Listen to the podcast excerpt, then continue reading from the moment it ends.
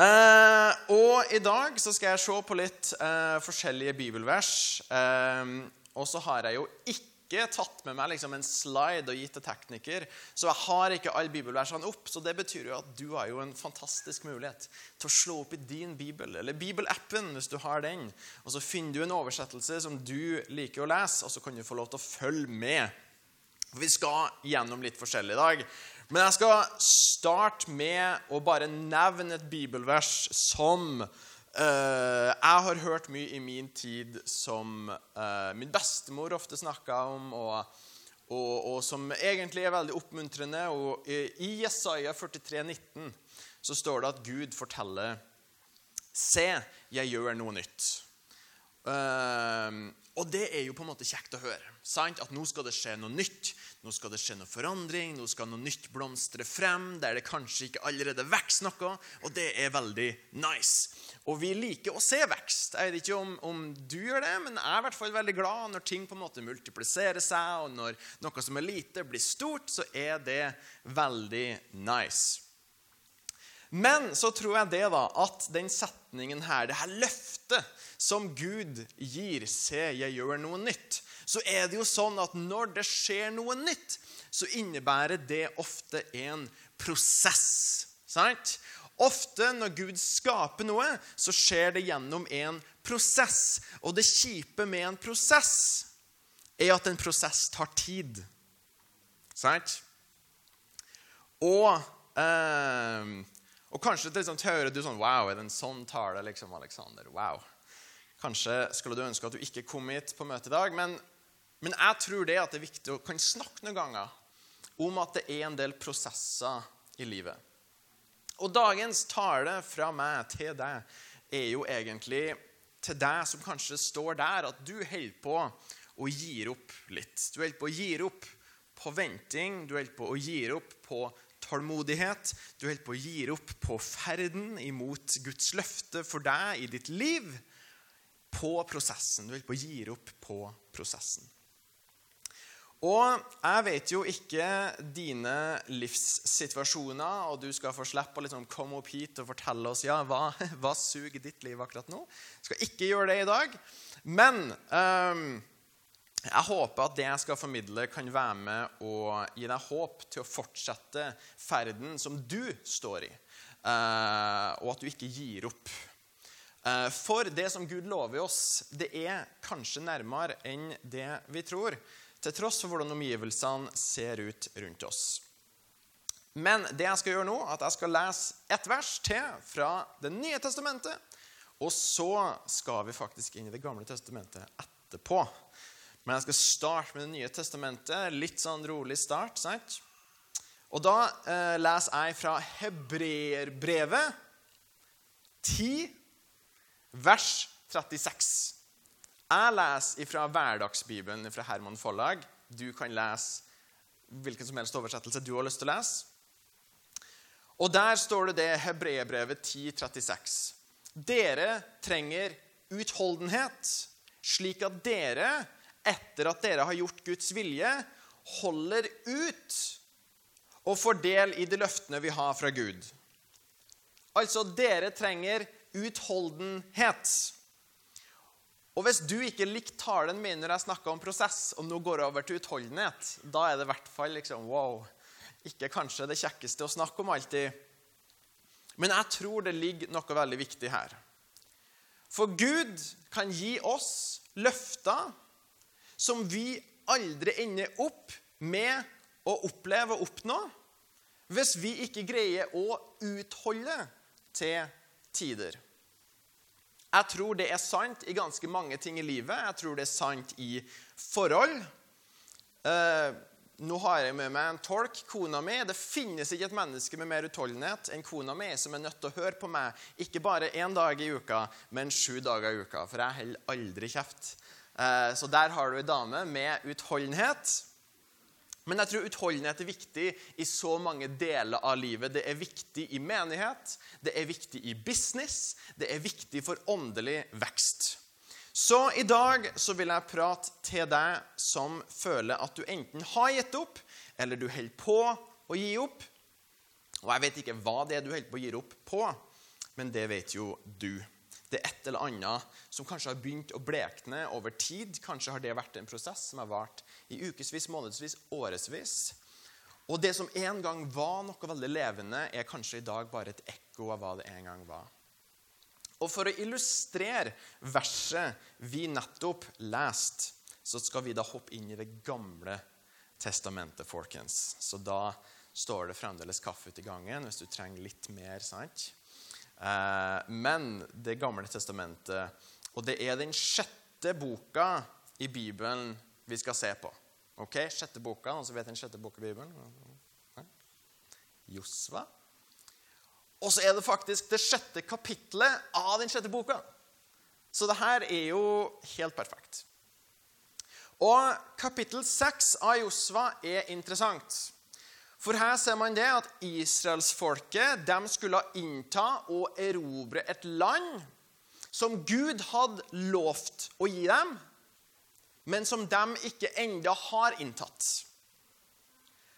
Og nå er det jo sånne ganger i livet at Gud på en måte lover noe over oss. Det står bl.a. at Gud har velsigna oss med all åndelig velsignelse i den himmelske verden i Kristus, står det i Efeserbrevet. Altså alt som er i Kristus, skal jobbe i mitt liv. Det betyr hans fred, hans glede, hans styrke. Men bare fordi Gud har lovt meg det, så må jo jeg innrømme at livet til Alexander er ikke alltid liksom fullt av kun Guds fred og glede og styrke. Um, jeg har ikke nødvendigvis inntatt alt som han har lovt meg enda. Jobbe med saken. Men Eh, I Josva 6, da Og nå blir det litt sånn eh, bibellesing. Eh, og så får du bare prøve å, å, følge med. Og jeg prøver jo, jeg snakker jo litt pent sant, når jeg er på veien. Snakker ikke sånn fullt ut trøndersk. Kjører litt sånn, sant, så du skal få til å henge med. Så slipper vi å få oversettelsen etterpå. Men i Josva 6 så står det det. Siden folket i Jeriko var fulle av frykt for Israels folk, var byen omhyggelig stengt av. Ingen gikk ut, og ingen kom inn. Herren sa til Josva, se, jeg vil la deg få Jeriko. Dere skal vinne både over kongen og de mektige krigerne. Dere skal la soldatene deres marsjere rundt byen, gå rundt byen hver dag i seks dager. Sju prester skal bære med seg hver sin basun av bukkehorn. Lengst fram i opptoget skal kisten med Guds bud bæres. Og på den sjuende dagen skal dere gå hele sju ganger rundt byen. Og da skal pressene blåse i basunene. Og når pressene setter i et langt støt av bukkehornet, og dere hører lyden av basunen, skal hele folket sette i et høyt skrik. Hvordan høres et skrik ut? Jeg vet ikke om Jerikos murer hadde falt her, folkens. Men det går bra. Vi skal, vi skal be etterpå. Men da skal hele folket sette i et høyt skrik. Da skal bymuren falle og rase sammen, og da kan folket gå rett inn i byen. Og liksom, wow! Jeg vet ikke hvordan jeg hadde greid å jobbe med menighetsstøff om det var sånn her at liksom, ok, fram med bukkehorn og basuner og sju ganger og seks ganger. og liksom, Wow, det høres komplisert ut. Men uansett, da, etter det her, så er det på en måte ok, gjør det her, og da skal løftet gå oppfyllelse. Og dere skal få delta i det som er ventet, det dere har venta på. Dere skal få lov til å delta i det her løftet som Gud først lovte til Abraham, og så til Isak, og så til Jakob. Men før du får det, så skal du marsjere rundt byen i seks dager. Og Da er det på en måte tre punkter jeg skal highlighte i dag. Hvis du på en måte har lyst til å ta notater. eller sånt. Det er jo ikke alle sammen som gjør det noe mer, men men eh, du kan jo kanskje, hvis du hører noe bra, så kan du jo si et amen. eller noen sånne ting. Det er lov, det òg. Men, eh, men, det er tre ting jeg skal ta fram her i dag. Og det er tre grunner, egentlig, til at jeg tror at vi noen ganger ikke holder ut til å erfare det som Gud har lovt oss. Ok? Og det første er at ofte så er perspektivet vårt blokkert perspektivet vårt, blikket vårt, er blokkert. For å skjønne det jeg har jo gjort litt research om Jericho. Jeg har ikke bare kommet hit og bare liksom Jeg har satt meg inn i det. sant? Jeg har vært på Google, vært på Internett, vet du. Eh, og, og, du kan google det her selv om du ikke tror meg. sant? Internett har alltid rett, har jeg hørt. Og jeg husker første gangen jeg hørte om Josva. Ok, Da var det søndagsskolen i Misjonskirka på Stjørdal. Og da var liksom oppsummeringa var liksom det at eh, Josva marsjerte rundt byen i seks dager. Og på den syvende dagen så marsjerte han enda mer, og så laga de masse lyd. Og så raste muren, og så vant Josva. Og så var det liksom wow, nice. Og så hadde vi flanellograf, eller hva det heter, og alt det der. sant? Og det er på en måte mitt første møte sant, med Josva og Jeriko og alt det der. Og så tror jeg det er lett, da nå som jeg er voksen, som sant, jeg, blir, jeg blir 30 i, april, så du kan jo be for meg. Men, eh, men da er jeg liksom voksen, da, sant? Og så går jeg noen ganger glipp av tror jeg, hva egentlig det her slaget og denne hendelsen egentlig innebar. Fordi Jeriko var den første byen i landet som Gud hadde lovt dem. Så før de kunne innta resten som Gud ønska å gi dem som sitt hjem, så måtte de først innta Jeriko. Og har du lagt merke til, folkens, at noen ganger så er det det første slaget som er vanskeligst. Det er det å starte noe, å begynne på noe som er det vanskeligste. Det er det som er mest utfordrende. Om det er ny diett, om det er gode rutiner, om det er trening Det, det er jo nesten for liksom, Hvert år, hvert nyttårsforsett jeg har, så er det liksom å spise sunt og gå og trene og sånt.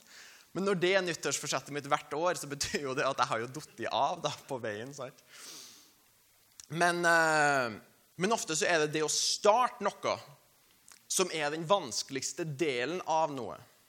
Men bare du får på deg treningsskoen og kommer deg ut døra, så er det lettere å komme seg til treningssenteret. Men det er den der første starten som ofte er tyngst. Og Når jeg begynner å sette meg da inn i Jeriko og denne delen av verdenshistorien som Josva tar del i, så merker jeg det jeg har gått glipp av når jeg har hørt om slaget om Jeriko, det er det at Josva har tilbrakt 40 45 år i ødemarka først. Og jeg synes 45 år er ganske lang tid. No offense til deg som er 45 eller gamlere. Men jeg synes 45 år, det er en del tid. Og han har tilbrakt 45 år i ødemarka fordi generasjonen som kom før han, ikke hadde troa til å gå inn i landet. Så han har venta 45 år bare på muligheten for å kunne gå inn i Jeriko. Så jeg tror at denne historien her, den er litt mer komplisert enn det vi vanligvis formidler den som. For jeg tror det er lett noen ganger når vi ser på noen andre sin seier, så overforenkler vi kanskje prosessen de har stått i for å nå den seieren. Når du ser en idrettsutøver på TV-en som slår en ny rekord, så kan vi bli sånn Å, oh, wow, for et talent, liksom. Men så tenker ikke vi over månedene, årene med hardt slit, med disiplin, med blod, svette, tårer som de har gått igjennom for å komme seg dit. Men Jeriko, da, sant, for det er det vi snakker om, eh, det var ikke en veldig stor by.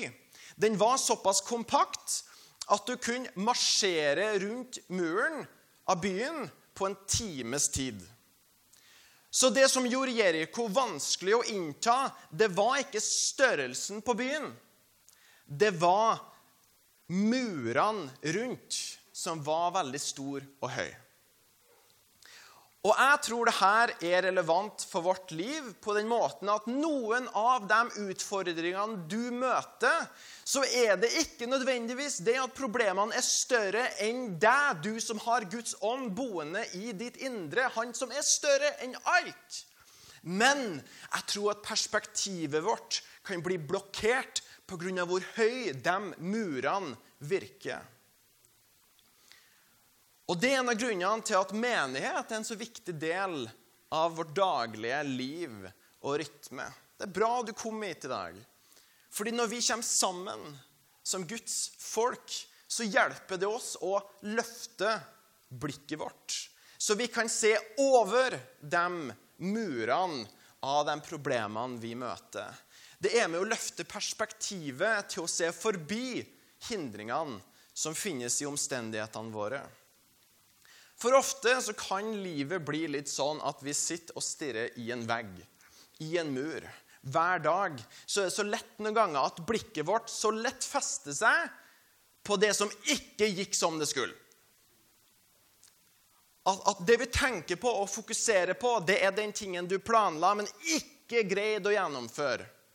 Der du snubla, og ting gikk galt, og det er fortida vår og ting vi skulle ønske vi aldri hadde gjort. Men når vi kommer sammen, og så tilber vi sammen, og så søker vi Gud sammen, og så lovsynger vi sammen, så minner det oss på at vi ikke står alene. Nei, jeg har andre mennesker rundt meg som også søker Gud sammen med meg. Og det er noe mektig med at vi kan tilbe sammen. At vi legger litt innsats i at nå skal vi søke Guds nærvær som ett folk. Og jeg tror det hjelper oss å løfte blikket, så vi kan se forbi de her murene av problem. Og hvis du greier å se forbi, så vil du kanskje innse at den fienden som du har frykta, faktisk frykter deg og den kraften som bor i ditt indre, og er så mye større. Amen. Jeg kan si det sjøl. Det går bra. Det går bra. Noe annet som vi merker her, er at de første versene i Josva 6 så står det byen var omhyggelig stengt av. Ingen gikk ut, og ingen kom inn. Og så i vers 2 så står det Herren sa til Josva, se, jeg vil la deg få Jeriko. Og det er jo nesten litt rart, hvis det er lov til å si det om Bibelen. Eh, fordi vers 1 og vers 2 føles ikke ut som de passer sammen. For OK, ok, tenk på det her nå, folkens. Tenk på det her nå. Vers 2. ok? Så sier Gud her, vær så god, Jeriko, it's yours. Den er din, liksom. Vær så god. Gud prater som om det her er bestemt. Done deal, liksom. Og Josva er litt sånn Ja, men vi har ikke trukket, sverdet vårt, liksom, og du sier at byen er vår. Og det er jo på en måte et bevis da, på Guds tiltro til hans egen kraft. Jeg lar deg få Jeriko. Ja, men slaget har ikke begynt ennå. Nei, men det er ditt. Jeg gir det til deg. Og Det er jo godt å vite at Gud han eksisterer utenfor tid. utenfor på en måte, Han er ikke stressa over det vi er stressa over. Sant? Gud trenger ikke en Ibux e når han ser på verdensøkonomien. Han har en plan. Og hvis vi følger hans plan, så tror jeg vi også vil oppleve seier. Fordi ingen kan stoppe hans vilje. Hvis vi ser over muren og ser til hans storhet som troner over, så vil vi legge merke til at det vi møter, ikke er så stort allikevel. Men det jeg skulle si, folkens, poenget mitt her, ok, er jo at vers 1 ikke ligner på vers 2. For i vers 2 så sier han 'Jeriko er din, vær så god, jeg lar deg få den'. Men i vers 1 så står det 'byen var omhyggelig stengt av'. Så Gud sier 'vær så god, det her er ditt'. Men Josva tenker ja, men alt jeg ser, er jo murer og stengte porter. Og så er jo da mitt spørsmål til deg, da, folkens, så du kan svare på ditt indre. Du skal få slippe å svare høyt. Men har du noen gang erfart eller følt at livet ditt ikke matcher med hva Gud har fortalt deg og lagt i ditt hjerte? Eller er det kun jeg som har erfart det? For det har jeg merka noen ganger. Har du noen gang erfart at Gud taler til deg om seier, men alt du kjenner på, er hvor nedkjempa du er? Har du noen ganger følt at Gud snakker til deg om helbredelse, men på innsida så føler du deg så ødelagt og knust? Har du kjent på det at Gud snakker til deg om å fortelle noen andre om Jesus, men på innsida så kjenner du selv tvil rundt Gud? Kanskje kjenner du at Gud drar på deg til å dele sjenerøst rundt deg, men så sliter jo du med dine egne behov. At du skal gi, men det er vanskelig økonomisk. Har du hatt en sesong i ditt liv hvor åpenbaringen fra Gud ikke matcher realiteten av dine omstendigheter? er det jeg spør om. Fordi det er det som er situasjonen til Josva. Hvor blikket hans blir fanga opp av denne store, høye muren. Og jeg tror dette er grunnen til at Gud kaller oss til hver menighet sammen. Hvorfor Gud gir oss forkynnelse, ledere i menighet, smågrupper, småfellesskap, mennesker vi kan tjene sammen med, så vi kan lære oss å løfte blikket og se forbi murene og holde perspektivet på Gud og Hans ord. Og Det var punkt én, da. sant? Så det, men det skal, den talen her skal egentlig være 30 minutter. Jeg lover. Jeg lover. Jeg skal ha litt vann, så går det bedre. Um, så det var punkt én. Punkt to, som gjør at jeg tror det er vanskelig noen ganger, er at fremgangen vår er ikke alltid synlig. Fremgangen vår er ikke alltid synlig. Så Gud forteller Josva at han skal marsjere rundt murene i seks dager. ok? Og på den syvende dagen så skal de marsjere sju ganger rundt. Og da skal muren rase, og det kommer til å bli awesome. Så vers 6 da, og bortover. ok? Og Nå kommer jeg til å lese litt igjen, så får du bare prøve å henge deg på. Så står det Da kalte Josva prestene til seg og forklarte hvordan de skulle gå rundt byen, og hvordan det skulle skje at murene skulle falle ned. De væpnede mennene gikk først, deretter kom prestene, som blåste i basunene, og så kom en baktropp. Hele tiden ble det blåst i basunene. Dere må legge litt sånn i budsjettet basuner på klippen. Det er visst viktig. Så her, her, er det jo litt fremgang. Her skjer det ting. Sant? Ok, her skjer det ting. Og fremgang er nice. Sant? Og noe av det beste jeg vet, er når jeg ser og føler og opplever at ting går fremover. At ting skjer. At prosessene i livet er effektive, liksom. At ting ikke står stille. Jeg blir så rastløs når jeg føler at det mangler fremgang. Og her så ser vi da det at ok, nå skjer det noe her. Josvas hær har litt fremgang. Hele tiden ble det blåst i basunene, står det. Josva hadde befalt dere skal ikke rope eller gi lyd fra dere. Ikke et eneste ord må komme fra munnen deres før den dagen jeg sier til dere, 'Rop!' Da skal dere rope.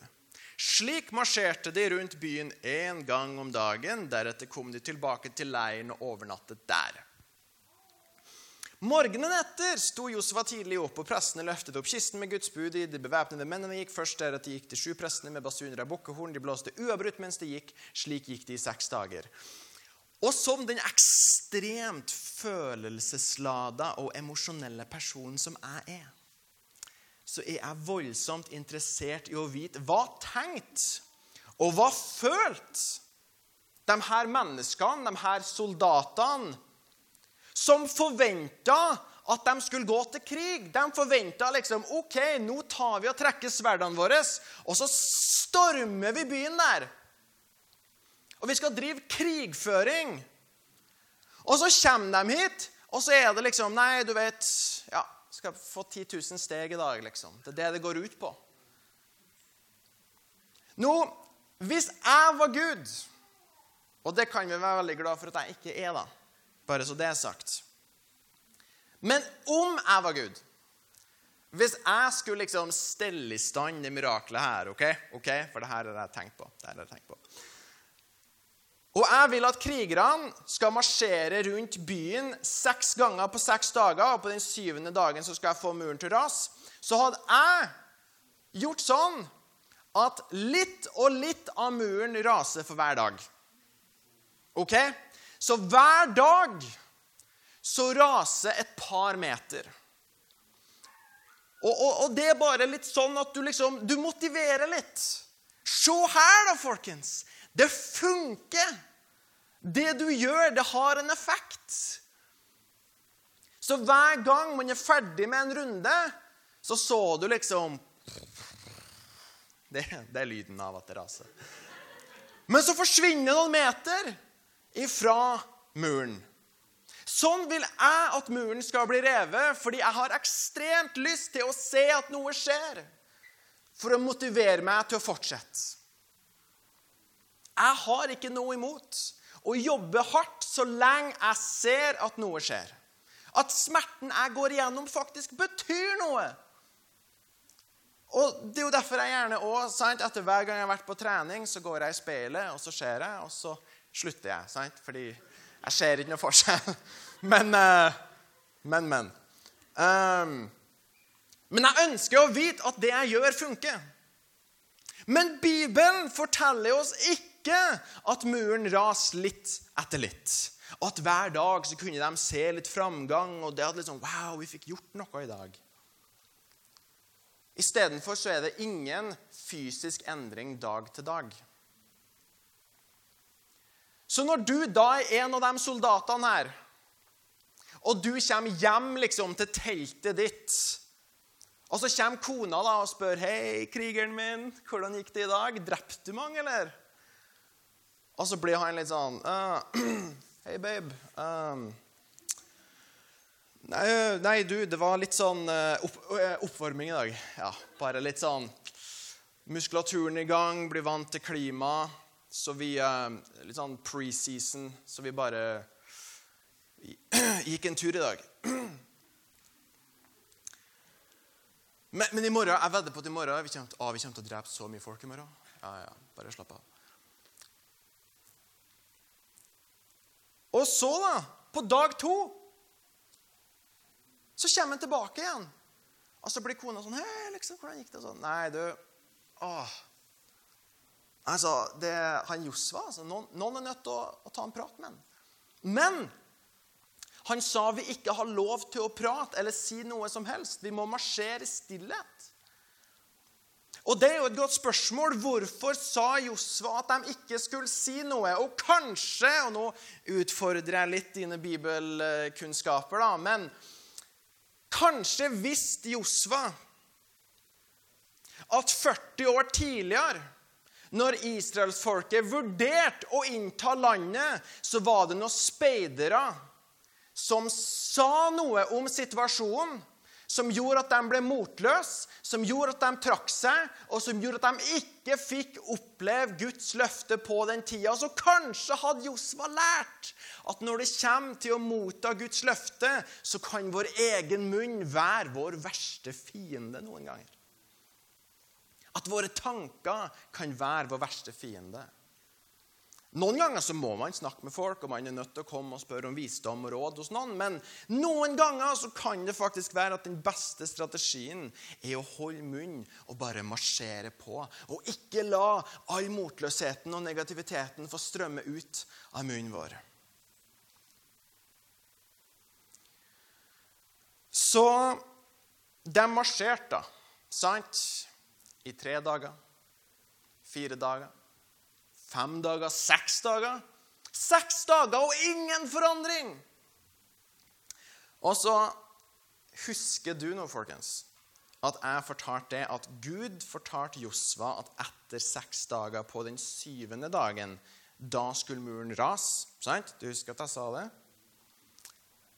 Gjett hva Josva ikke fortalte folket sitt.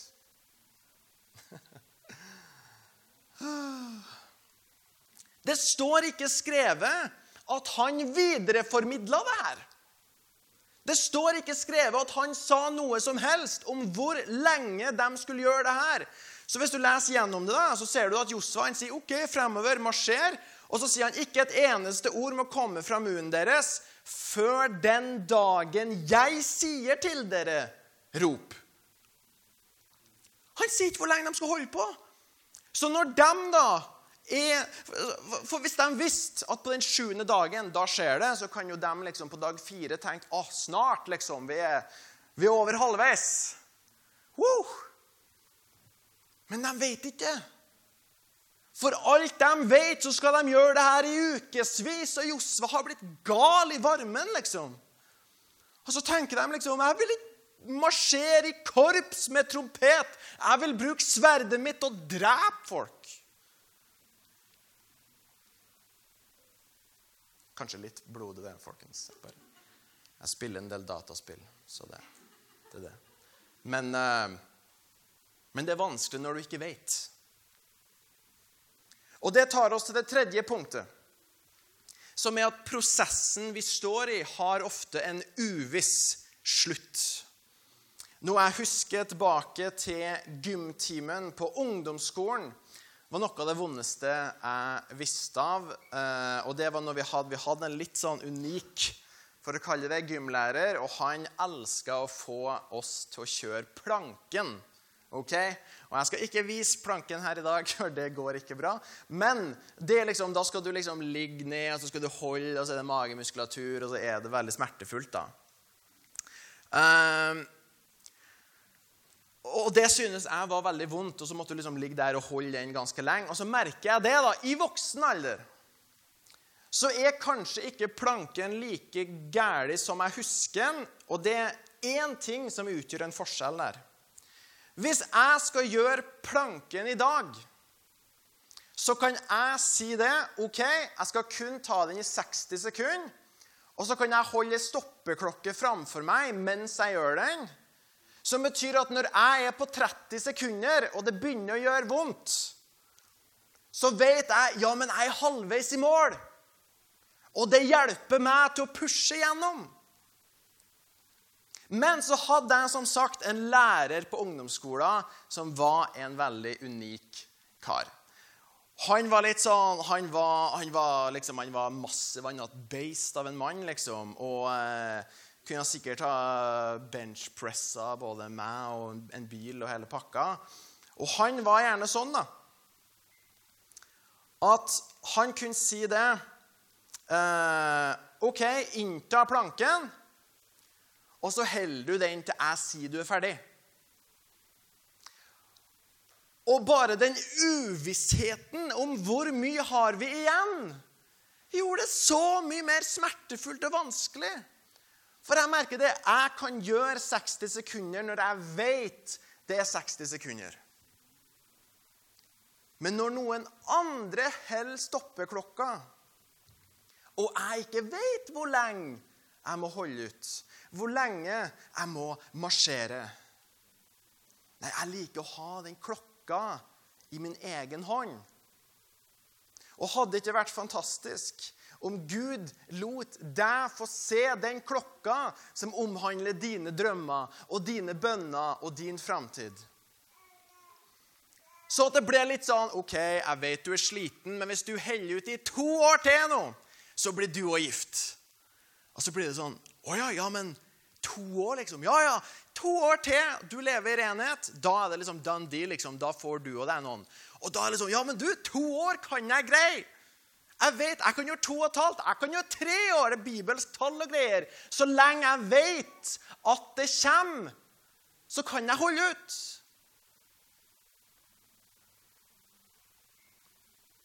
For jeg synes ting er lettere når jeg vet.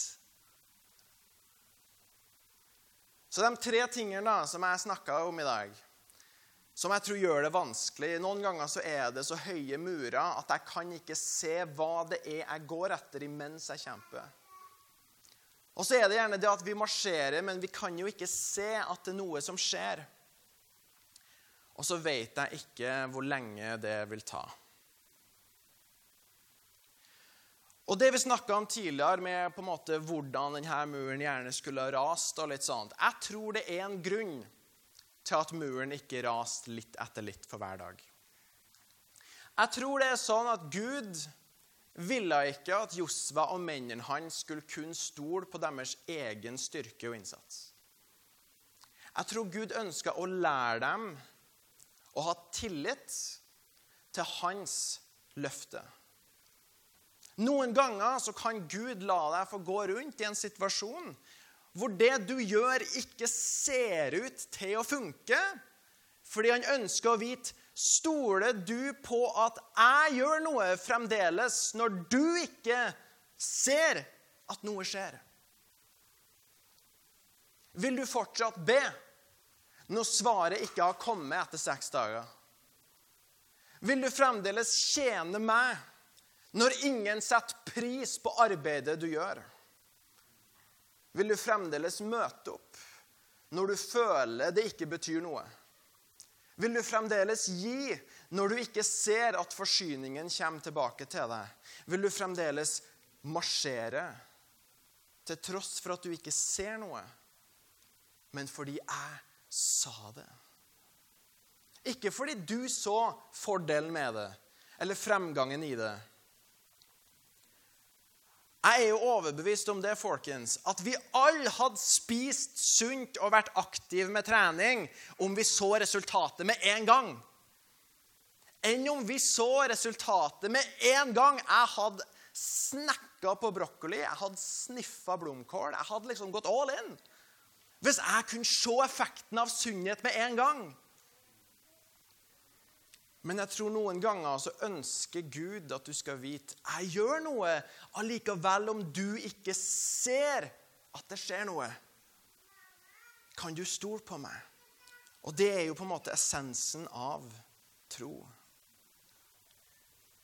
For det å marsjere rundt Jeriko og stole på Gud, det var jo det som preparerte dem for alt de måtte kjempe mot lengre inn i det lovede landet. Mens de går og venter på hva Gud skal gjøre for dem, så ønsker Gud å gjøre noe i dem. Og kanskje sender Gud oss også til å marsjere rundt en mur. Fordi han ønsker å gjøre noe i deg først, før han gjør noe for deg. Før du kan motta løftet, så må du bli sterk nok til å bære løftet. Før du kan gå inn i løftet, så må du bli utrusta til å forvalte løftet. Og kanskje sitter noen her i dag. Du er på runde seks. Og du har gått og du har trampa i det samme. Og du skjønner ikke, og du forstår ikke. Men så har faktisk Gud gjort et arbeid under overflaten som du ikke ser. Og du er nære. Men så frister det å gi opp fordi du ikke ser noe, fordi du ikke merker noe, fordi du ikke føler noe. Og kanskje ser det ikke ut som det du forventa. Og du er sliten av å gå og blåse et bukkehorn akkurat nå, liksom. Eller whatever det er i ditt liv. Og hvor mange mennesker har ikke gitt opp på familien sin, på ekteskapet sitt, på menigheten sin, på barna sine, på Gud? Når man egentlig er på runde seks. Men man visste ikke. Man greide ikke. Vi må ikke stoppe. For hvis Gud kaller på deg, så vil også han være trofast og fullføre det han har starta. Til og med om vi ikke er trofast, så står det i 2. Timoteus at han får bli trofast. Når vi lever i etterfølgelse av Jesus, så er ikke alltid ting vil gi mening. Det er ikke alltid at vi vil forstå alt han gjør i øyeblikket, i det usynlige, i dypet. Men vi er nødt til å ha tillit til at han som har begynt den gode gjerning i dere, vil fullføre den også, som det står i Filippe-brevet 1.